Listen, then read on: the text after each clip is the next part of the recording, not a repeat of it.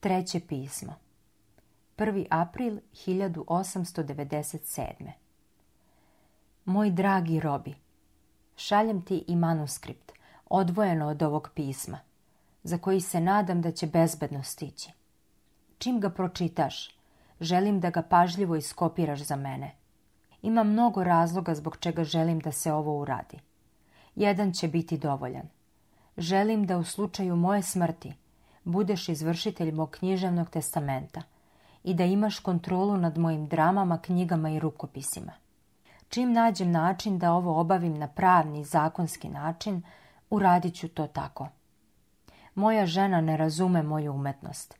Niti se od nje može očekivati da za nju ima ikakvo razumevanje.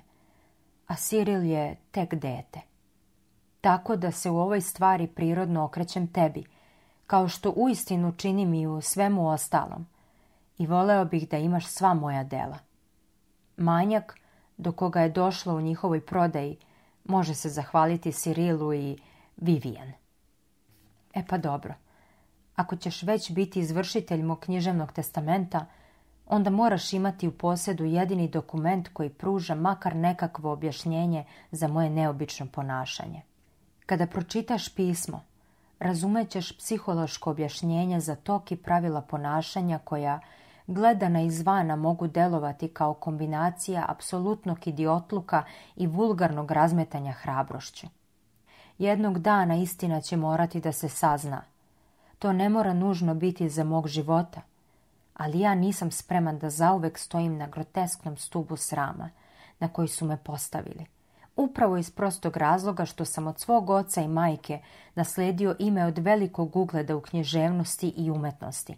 Ne mogu dopustiti da ono bude degradirano do kraja veka.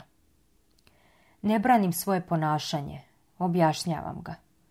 Također u mom pismu postoje izvesni odlomci koji se bave mojim mentalnim razvojem u zatvoru i neizbežnom evolucijom mog karaktera i intelektualnog stava prema životu, koja se ovdje odigrala i želim da ti i ostali koji su još uvek uz mene i privrženi su mi, tačno znate u kakvom raspoloženju i na kakav način se nadam suočenju sa svetom.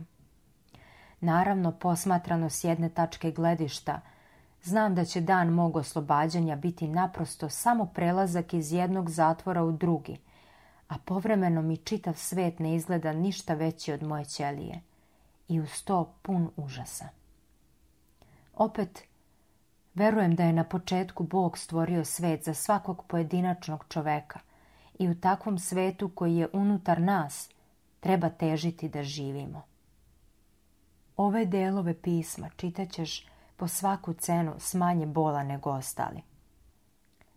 Naravno, ne treba da te podsjećam koliko je moja misao fluidna i svih nas i od kako prolazne substance su napravljena naša osjećanja ipak i tekako vidim neku vrstu mogućeg cilja prema kome posredstvom umetnosti mogu napredovati.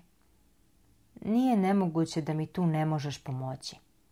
Kada je reč o načinu kopiranja, naravno suviše je dugačko za pokušaj bilo kakvog prepisivanja, a tvoj rukopis, dragi Robi, u tvom posljednjem pismu izgleda da je posebno oblikovan da me podsjeti kako takav jedan zadatak nije za tebe.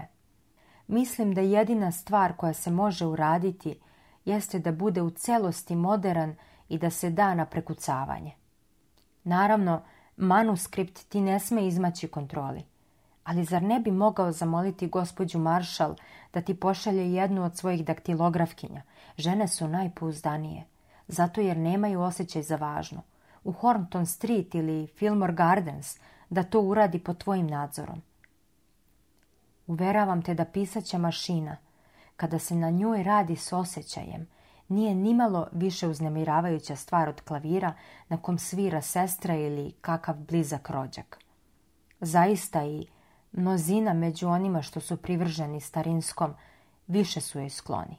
Voleo bih da kopija ne bude urađena na novinskom, već na dobrom papiru, poput onog što se koristi za pozorišne komade, a sa strana bi valjalo ostaviti široke margine za dopunske ispravke. Ako bi se kopija radila u Hornton Streetu, gospođica daktilografkinja mogla bi prvo došetati do vrata, poput kardinala kada biraju papu, sve dok se ne bi pojavila na terasi da vikne svetu. Habet mundus epistolam! Svet ima pismo, jer to je zaista enciklično pismo. I kao što se Bule svetog oca imenuju po njegovim početnim rečima i za njega bi se moglo kazati da je epistola Incarcere i Vinculis, pismo u zatvoru. Zapravo, robi, zatvorski život čini da čovjek vidi ljude i stvari kakvi zaista jesu. Zato ga i pretvara u kamen. Ljudi koji žive u spoljnjem svetu obmanuti su iluzijom o životu u neprekidnom kretanju – vrte se u krug skupa sa životom i doprinose njegovoj nestvarnosti. Mi koji smo nepokretni vidimo to i znamo. Kako god pismo bilo od ikakve koristi u skogredim prirodama i grozničavim mozgovima ili ne, meni je dobro učinjelo.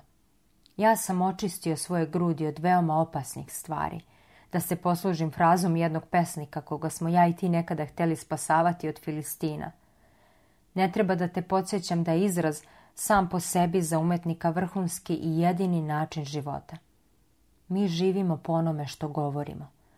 Među mnogim, odista mnogim stvarima za koje ovdje moram da se zahvalim upravniku.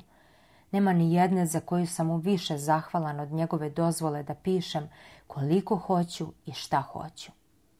Tokom gotovo dve godine živeo sam pod rastućim teretom gorčine, koje sam se sada u velikoj meri oslobodio.